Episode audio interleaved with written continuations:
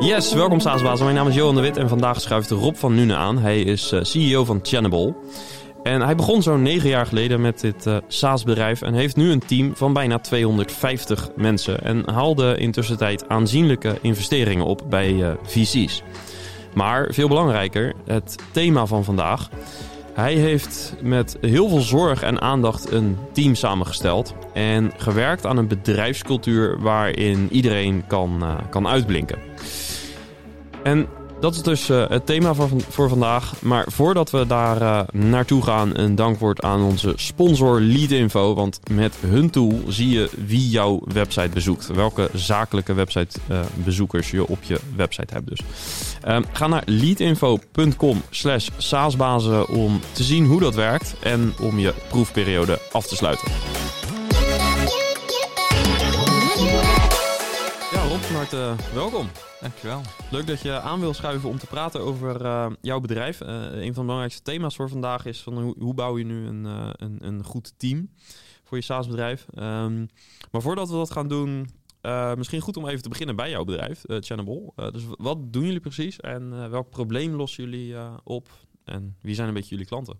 Ja, um, nou ja, Channable, we hebben een online marketing platform eigenlijk waarmee vooral webshops hun producten kunnen exporteren naar welke kanalen dan ook. En kanalen zijn vooral Google, Facebook, maar ook Amazon, de marktplaatsen dus. En dat doen we wereldwijd. Ja, en dat is uh, nogal uh, booming. Ja. Uh, dus vandaar dat jullie ook snel gegroeid zijn. Um, wat zijn nou een beetje de meest populaire marktplaatsen in Nederland eigenlijk? Is dat dan nog steeds Bol en, en Amazon? Ja, hoe, hoe, zitten ja. die verhoudingen? Ja, Bol.com zeker nog wel. Amazon is wel echt aan het groeien op dit moment. Dus ja. En wat zijn een beetje de opkomende, de, de, de, nieuwe namen waar we rekening mee moeten houden? In Nederland? Mm -hmm. In Nederland hebben we echt alleen deze twee nog. Er zijn ja, niet heel veel grote opkomende namen nog. Het zijn vooral de, degenen die al een tijdje in de markt zitten, de Wacom die, uh, ja, precies, die meedoen. Ja. ja. Uh, was Vonk ook niet? Uh, een, Ja. hoe lang zijn zij nu met het marktplaatsmodel bezig? Ja, ook al best wel lang hoor. Ik denk ik zou het niet precies uit mijn hoofd weten, maar ik denk een jaartje of acht, negen toch Ja, precies. al wel. Ja, ja, ja. Um, en er zitten ook nog niet echt nieuwe challengers in de markt uh, in Nederland wat dat betreft. Niet waar wij in ieder geval zomaar de groei ineens zien. Nee, precies. En hoe zit dat in andere landen, een beetje om ons heen? Zijn daar echt, uh, zie je al disruptie of zijn het toch echt de gevestigde namen? Ja, het zijn veel al gevestigde namen. Die hebben natuurlijk ook het geld en de, en de mogelijkheden om heel grote marketingcampagnes uh, te lanceren. Ja. Um, ja, en Amazon zit eigenlijk in bijna elk land wel in de top drie, denk ik. Ja, ja. Ja.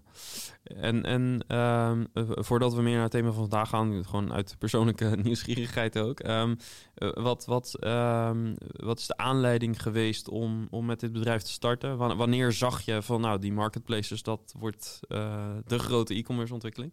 Ah, dat uh, was eigenlijk omdat we voorheen, ik en mijn twee compagnons uh, hadden een ander bedrijfje. Dat werkte uh, daarmee, maakten we mobiele websites. Um, dat werkte eigenlijk uh, niet heel goed, kregen we niet zo goed verkocht. Toen konden we dat toch meer aan de marketingbureaus proberen um, te slijten eigenlijk. Um, die hadden daar wel wat meer interesse in, want die hadden niet de technische kennis zelf. maar uiteindelijk zeiden zij van ja, maar als je toch al data uit bepaalde websites of webshops trekt, kun je dat dan ook niet converteren naar een Google of beslist.nl was toen nog heel groot. Ja. Um, en zo zijn we eigenlijk op dat idee gekomen. Ja, ja dat is trouwens wel grappig. Beslist.nl. Uh, is dat nog een partij? Ik wil niemand tegen de schenen schoppen, maar uh, ik, zijn, ik kom ze niet veel meer tegen. Ze zijn, ik denk een andere doelgroep ook dan, dan wat jij bent. Maar um, ze zijn er zeker nog, maar ze bestaan nu vooral als comparison shopping engine. Dus dat is... Uh, Um, zij staan eigenlijk vooral bovenaan in de lijstjes bij uh, Google. Ja, precies. Ja, ja, ja oké. Okay. Alright. Um, ja, uh, nou ja, jullie zijn dus uh, een aantal jaar geleden begonnen en, en uh, serieus gegroeid. kun je eens wat nummers noemen, wat, wat, wat getallen om aan te geven waar jullie staan? Dat, kies, kies getallen die um, jou oké okay zijn. Ja, we, um, even denken. We zijn um, nu negen jaar geleden begonnen. Um, ondertussen toen nog met z'n drieën. Uh, nu ondertussen met 230 tot 240 man uh, sterk. Um, we, hebben, we zijn ondertussen actief in negen regio's. die we hebben geselecteerd.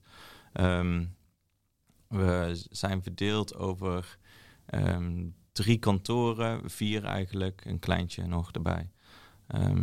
Drie in Europa, eentje in New York.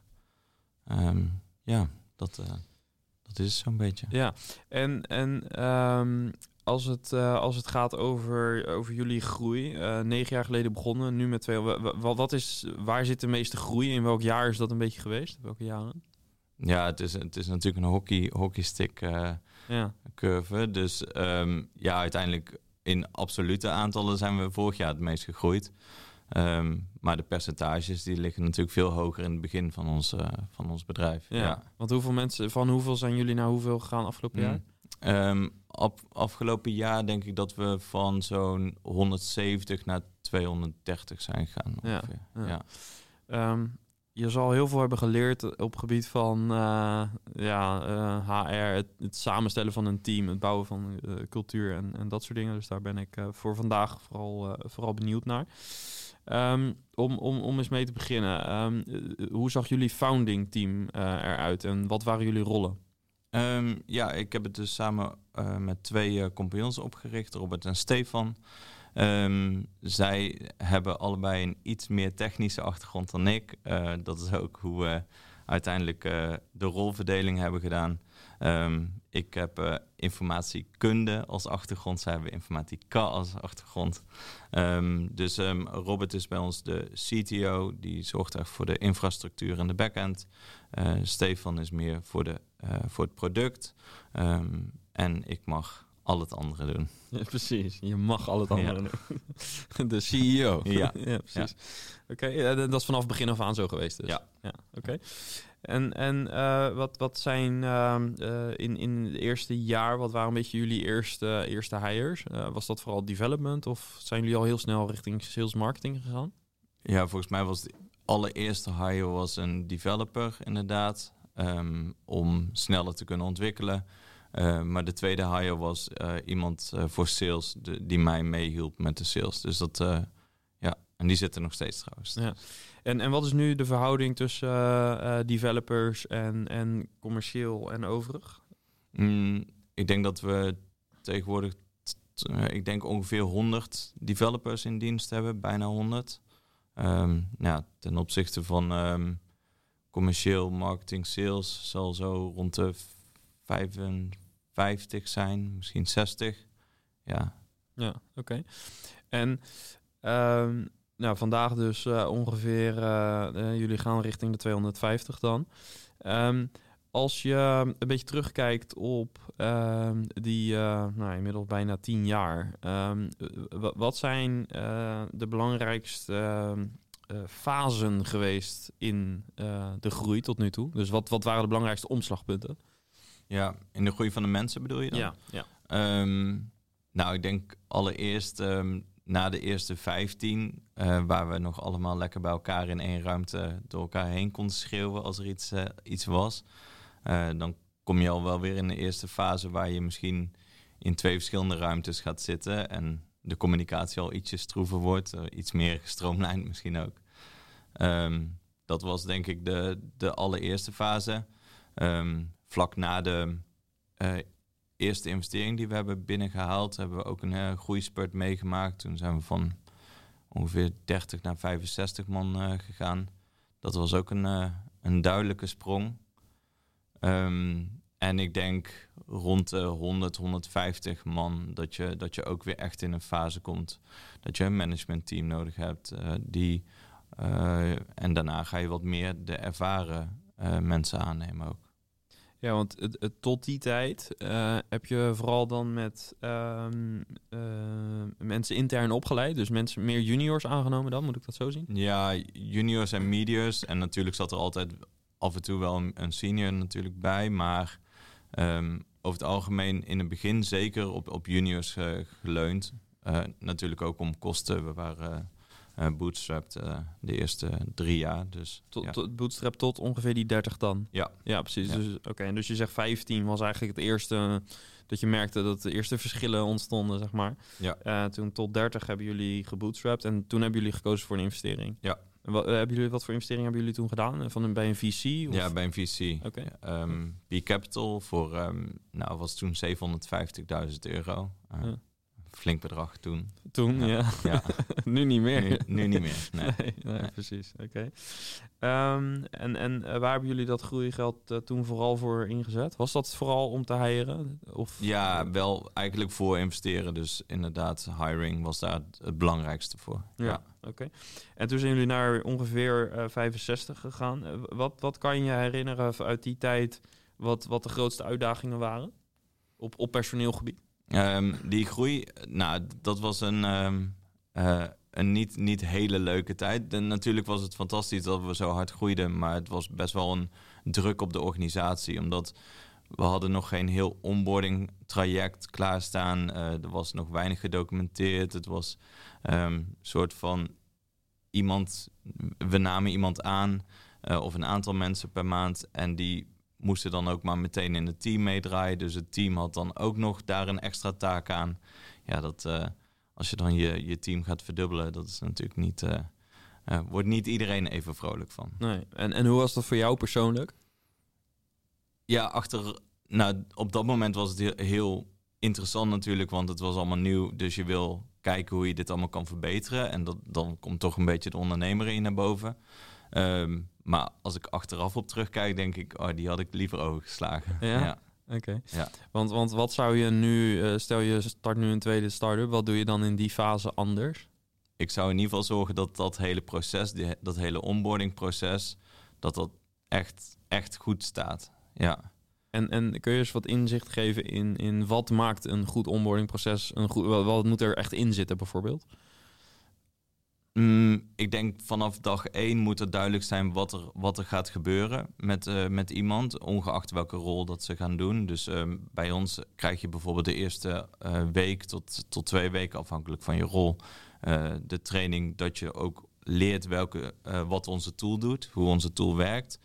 Ehm, en vanuit daar ga je eigenlijk direct naar je afdeling toe en ga je daar je, je training verder door, doorlopen. Ja. Ehm, ja, dat hadden we toen echt, echt nog helemaal niet staan. We hadden ook geen oefeningen staan nog van de tool. Het was gewoon een soort van iemand erbij halen.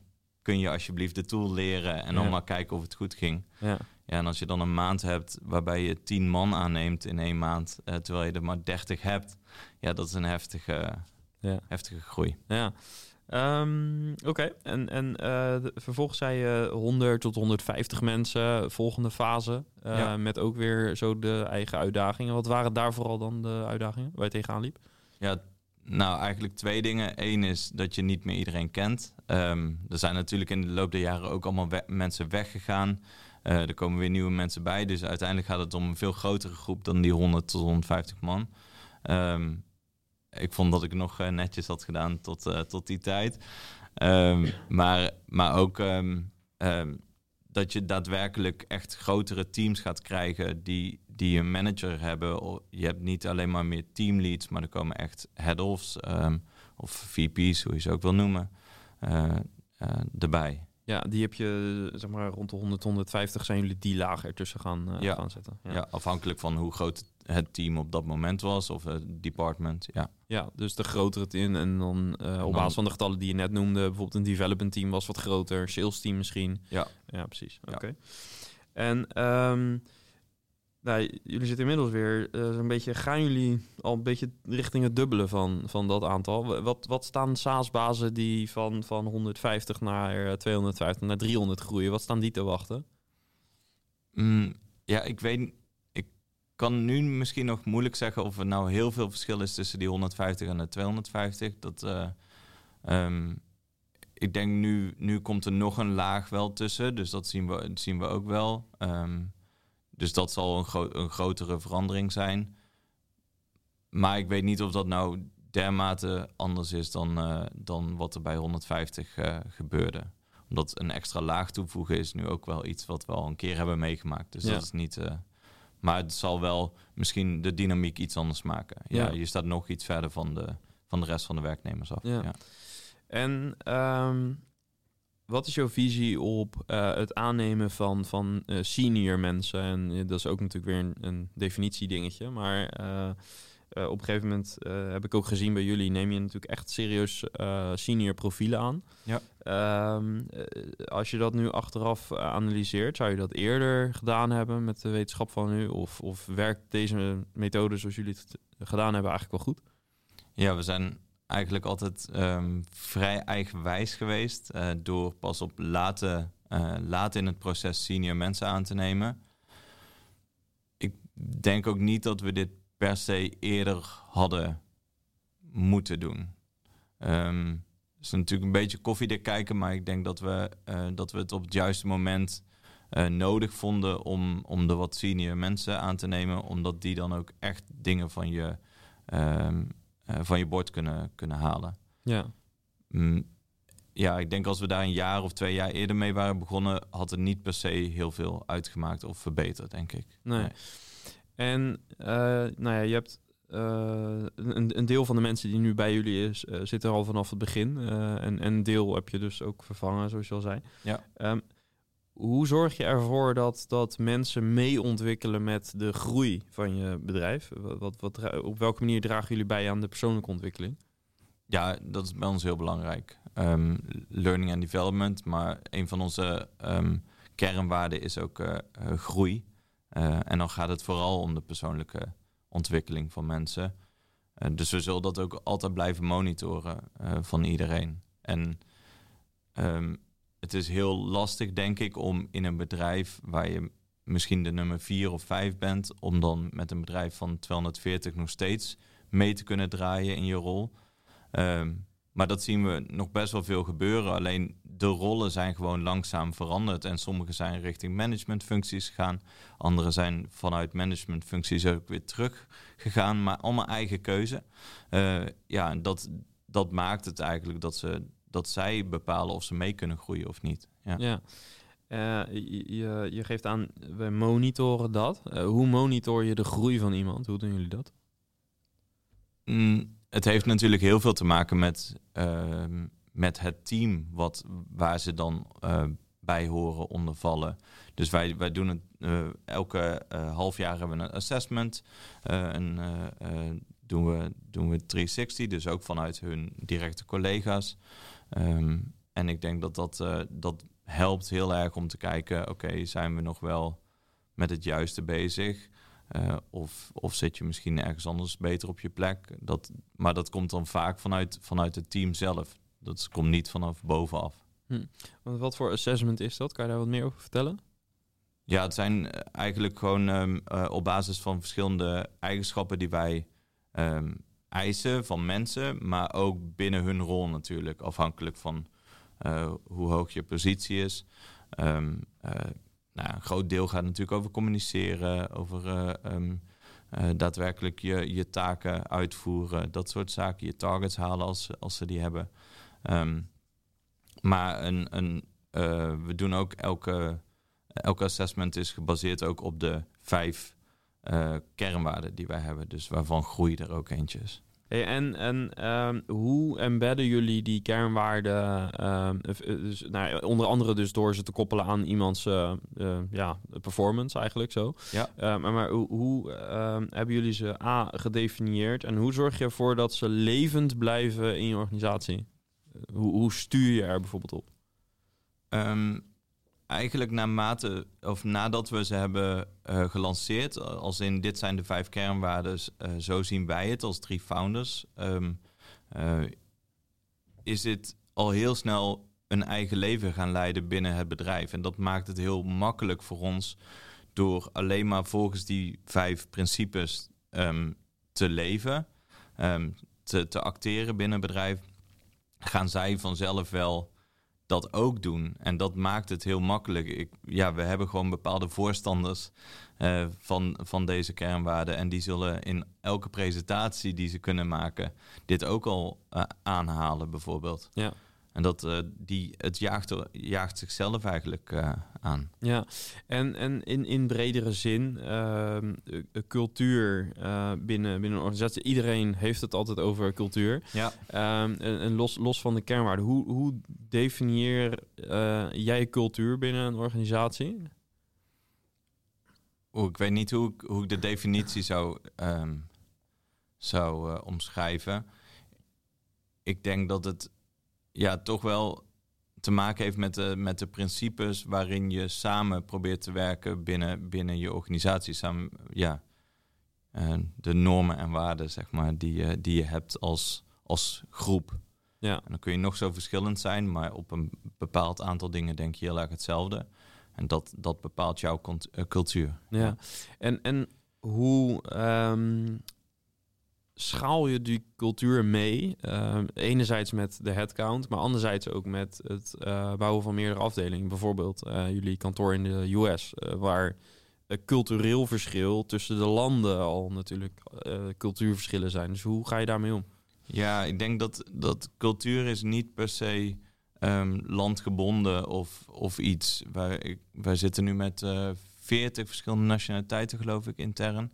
Um, en die vallen echt wel allemaal onder dezelfde channel cultuur. Dus hm. uh, het heeft meer te maken met wat wij uh, verwachten van mensen als we ze aannemen. Daar, daar doen we echt een duidelijke culturele check van... hey, pas je wel bij dit team?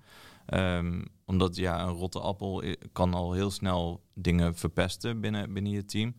Um, en dan gaat het vaak over nieuwsgierigheid, over uh, oplossingsgerichtheid. Um, dat soort, dat soort zaken zoek je toch al uit in je sollicitaties. En dat, dat filtert zichzelf ook wel weer uit. Hoef ik niet per se bij te zijn bij die sollicitaties. Dat doen ook de managers, de HR-managers.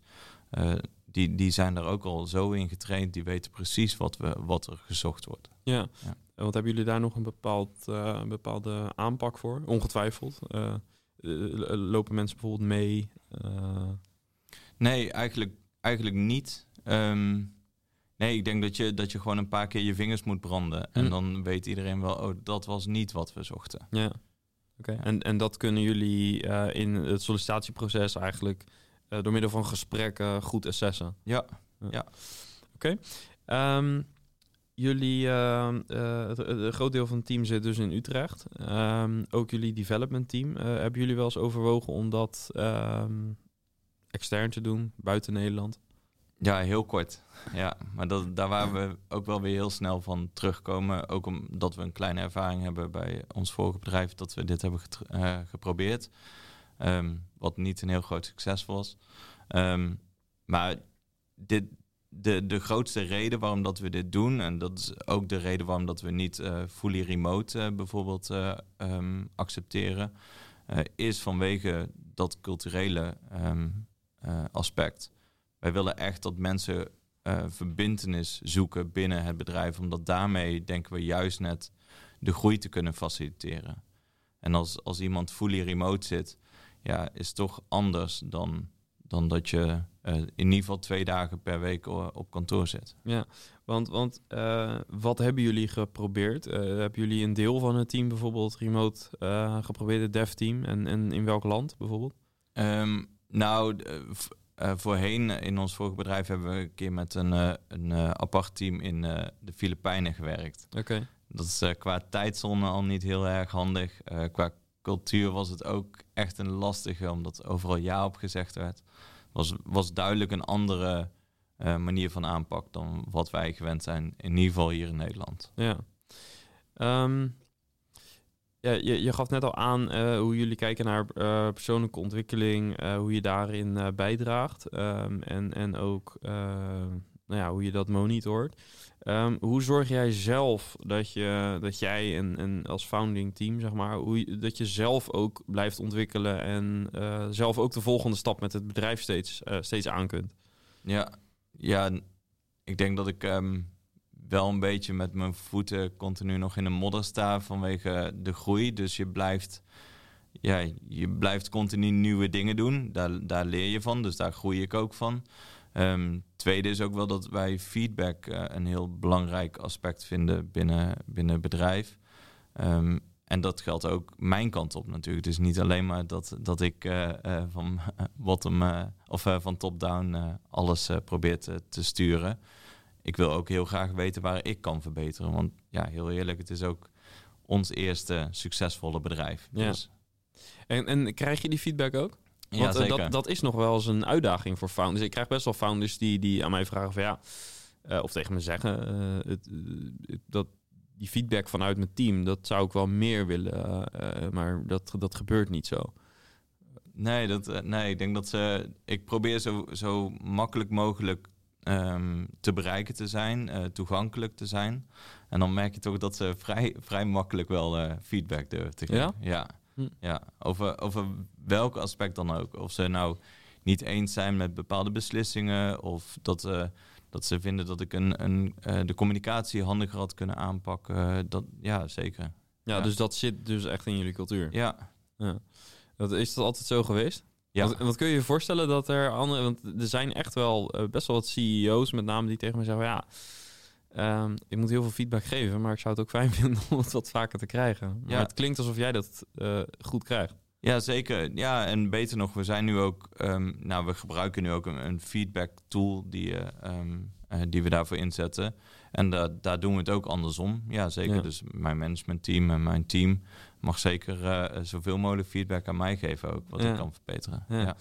En, en wat, wat denk je zelf vooral te, te nodig te hebben aan vaardigheden, aan kennis... om uh, naar de volgende groeispurt, want die gaat er komen... Ja. Uh, om, om die aan te kunnen? Wat, waar, waar, op welke fronten uh, zou je jezelf met name willen, willen ontwikkelen? En waar ligt je interesse ook? Ja, ik denk dat dat, dat laatste is, uh, is vooral het belangrijkste. Um, ik denk dat ja, op een gegeven moment wordt er van je verwacht natuurlijk dat je, dat je de visionair bent van het bedrijf uh, als CEO. Um, dat is niet helemaal mijn. Uh, waar, waar ik heel, heel sterk in ben. Ik denk dat ik daar zeker nog verder in kan, kan leren. Ja. ja, ik heb wel een goed idee waar we als bedrijf heen moeten. Maar um, ik ben niet degene die dat dan continu voor het hele bedrijf staat uit te dragen. Van jongens, we moeten naar links. Of nee. En is dat, dat is wel iets waar je meer naartoe wilt? Of, zou je de, of denk je eraan om dat op een andere manier uh, te doen? Ja, ik denk dat we de, dat we door het uh, vaker te communiceren, dat moet natuurlijk ook, wil je, wil je zeker weten dat bij iedereen terechtkomt tegenwoordig, dan moet je het vier, vijf, zes keer herhalen. Uh, ik denk dat, dat het vaker herhalen, dat, dat ik daar ook weer steeds meer van leer. Oké, okay, zo werkt het wel, zo werkt het niet. Ja. ja. ja. Uh, wat is het, um, wat is waar je het meest... Um, uh, waar je meest interesse ligt, zeg maar, in het groeien naar, je volgende, naar de volgende fase met het bedrijf? Nieuwe dingen.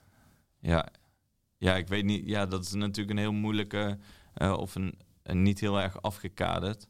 Um, en, en misschien is dit ook wel, wel uh, uh, ondernemers eigen, want ik, ik ken heel veel ondernemers die, dat, die dit zouden zeggen. Um, maar ik vind het juist heel leuk om steeds weer iets nieuws te doen. Ja, um, ik, uh, ik sprak een tijd geleden iemand en die ging een nieuwe markt openen. Wat heel, heel spannend is natuurlijk, want ja, een nieuwe regio. maar dat was al de zevende markt. Ja, dan, dan weet je het wel. Hmm. Wat natuurlijk heel raar is, want je bent continu aan het groeien. Ja. Um, maar zo werkt het wel een beetje. Ja. Wat is het, uh, het, het, het, thema, zeg maar, wat op dit moment voor jou um, het, het, het hoogst op je agenda staat? Wat zijn je belangrijkste prioriteiten? Ik denk de groei in Amerika vind ik heel interessant. Uh, kijken hoe, hoe, in hoeverre dat dat anders is. Uh, in hoeverre, het is natuurlijk een hele grote markt. Veel meer, nou, wat wij zouden zeggen in Nederland, bla bla. Um, dus dat, dat vind ik een hele leuke. Um, tweede is ook, we zijn, uh, we zijn met uh, uh, allerlei. Ja, we hebben een, een, nieuwe investering gehad vorig jaar. en die investering die kunnen we nog inzetten voor wat acquisities. Dus dat is ook wel een hele interessante. Ja. Dus je gaat op overnamepad. Ja, de, nou, je bent op we, zijn, we, overnamepad. zijn we wel mee bezig. Kijken Ja. of daar inderdaad leuke kandidaten zijn. Ja. Ja. Ja. En um, wat, uh, wat, wat, naar wat voor partijen kijk je dan vooral? Ik hoef uiteraard geen namen, maar uh, wat, wat, wat zijn belangrijke strategische doelen? Nou, over het algemeen denk ik in acquisities is het, uh, is het of En helemaal voor SaaS-bedrijven of technologie, wat, wat heel erg er dicht tegenaan schuurt tegen wat wij doen. dus daarmee de propositie kan versterken. of het zijn concurrenten die je uit de, uit de markt kunt, kunt halen. Ja. Dat, ja, dat zijn over het algemeen wel de, de meest belangrijke, denk ik. Ja. Um, en dat is met name jouw, dat, dat, wordt, dat is een van jouw prioriteiten voor ja. jou zelf. Ja. ja. ja. Uh, en daar zit veel nieuwe, uh, nieuwe ontwikkeling in. Ja, daar, zit, uh, ja, daar leer je heel veel van. Ja. ja. Um, Oké. Okay. Um, ja, het gaat om, je noemde het al een paar keer eventjes, funding. Um, voor voor SaaS-basis die luisteren, die, nou, die ook op het pad van, van VC willen, willen gaan. het is een best wel een lastige tijd voor veel bedrijven om nu geld op te halen. Ja. Um, wat, wat heb je geleerd in, in zeg maar de fundraising, uh, fundraising processen die je gedaan hebt? Wat, wat zijn een beetje je belangrijkste takeaways? Ja, het waren wel twee totaal verschillende processen. De, de eerste um, hebben we volledig zelf gedaan. Um, uh, dat, dat was ook echt met een lokale visie natuurlijk, met, uh, vanuit Amsterdam. de tweede hebben we met een investment bank gedaan. Dus dan ja, dat is een iets ander, ander proces waarbij zij eigenlijk meerdere visies oplijnen om, om te kunnen investeren. Ehm, ja, wat, wat zijn de takeaways? Ik denk dat het vooral heel belangrijk is dat je, dat je weet waarvoor een visie, in dit geval waren natuurlijk allemaal visies, um, dat je weet waarvoor ze er zitten. En dat is gewoon het geld. Dus daar, daarop zul je ook je hele pitch moeten uh, aanpassen. Was dat, deed, je, deed je dat in de eerste instantie anders? Ja, dus je, wij zijn een productgedreven bedrijf natuurlijk. En ik denk dat er heel veel um, uh, eigenaren van, uh, van SaaS-bedrijven ook zo zijn. Um, maar VC's zitten daar niet voor het product. Ja, dat, dat is wel duidelijk. Dat, ja. Zij zullen ten alle tijden natuurlijk proberen te helpen waar ze kunnen helpen. Maar dat is vaak op financieel gebied, marketinggebied, salesgebied. Daar weten ze veel meer van. Maar op product ja, dat is altijd het ondergeschoven kindje. En dan geloven ze ook eigenlijk wel dat dat altijd goed is. Ja. En betekent dat dus ook dat je in je presentaties vooral naar de ROI-kant moet kijken? Dat is ook wat je bedoelt volgens mij. Ja, ja, ja, ja, En dat was even wennen. Ja, nou ja, dat is natuurlijk niet per se waar je het altijd over wil hebben. Je, je bent heel trots op wat je hebt gebouwd. Dus dan ja. wil je het daar ook over hebben in je, in je pitch decks. En dat zie ik ook bij kleine startende ondernemingen, dat bijna alles over product gaat. Ja. Uh, ja, Hoort er ook bij. Ja, maar het gaat vooral uiteindelijk voor de investeerder. Wat is in het voor them? En dan gaat het om uh, ja. de ROI. Ja. Alright. Um, ja, om, om, om uh, af te sluiten. Um, wat, wat denk je is uh, dat, dat het belangrijkste eigenschap is voor um, een, een founder? Dus dan gaan we even terug naar het begin. Een, een founder die nu aan het begin staat met een SaaS-bedrijf om, om uh, hetzelfde te doen eigenlijk als jullie. Dus om ook succesvol door te groeien naar uh, een CEO. Dus uh, dat je leiding gaat geven aan wat, wat zijn de, of wat is of wat zijn de belangrijkste. Ja, voor een founder zelf. Um, nou, ik ten alle tijden een team om je heen proberen te verzamelen die beter is dan jij. Ik denk, maakt niet uit in welke, op welk vlak. Ik denk dat dat heel belangrijk is. Um, en er altijd plezier in blijven houden in de rol die je, die je op dat moment gaat doen. Omdat als je gaat managen en je vindt managen helemaal niet leuk, ja, dan gaat, gaat dat juist afstoten aan iemand anders. Probeer daar iemand voor aan te nemen. Als dat, uh, als dat niet is, iets is wat je leuk vindt, dan zou ik daar zo ver mogelijk van wegblijven. Ja. ja. Toch, toch in jouw rol als, als CEO, uh, eh, ik kan me voorstellen dat bijvoorbeeld Stefan als uh, Chief Product Officer dan, uh, als die van het product houdt, en dan gaan we even vanuit, ja. dat dat voor hem wat makkelijker is dan voor jou. Want jij als CEO heb je nou eenmaal, ja, een, een goede bekende van mij die noemt dit corvée. Ja. je hebt gewoon veel corvée. Um, hoe, hoe manage je dat dan? Dat je, dat je toch minder corvée doet dan je misschien...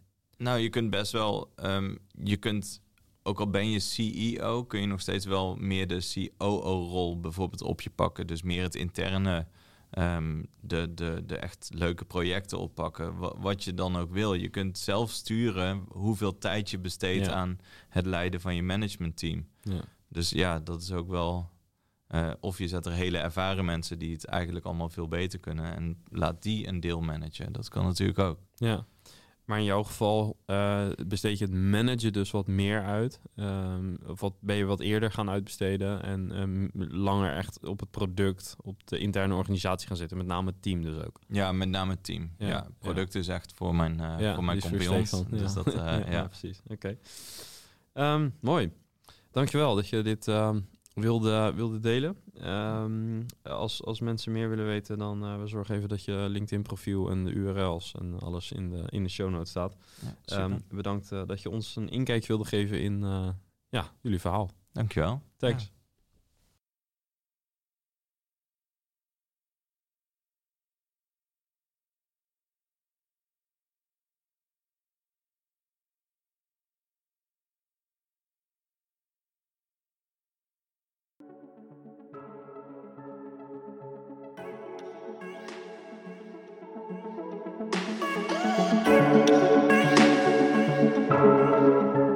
Zover het gesprek van vandaag. Bedankt voor het luisteren weer.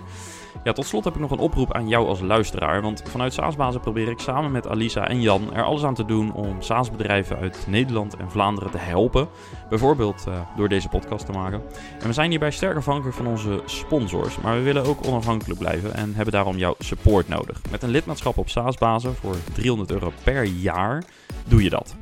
Als je lid wordt, kunnen we ja, meer waarde teruggeven. En bovendien krijg je er, uh, ja, je krijgt er dus ook veel zelf voor terug. Want allereerst krijg je korting op onze events, voorrang bij events. Maar ook toegang tot de tweewekelijkse online meetup. En we hebben een wildcard mogelijkheid toegevoegd aan de meetup. Uh, dat betekent dat je uh, ja, zelf niet, dat je niet alleen zelf toegang hebt tot deze online tweewekelijkse sessie, maar je kunt ook een collega laten deelnemen. Dus gaat de sessie over sales, stuur een sales collega. Gaat de sessie over finance, je CFO is van harte welkom, enzovoort.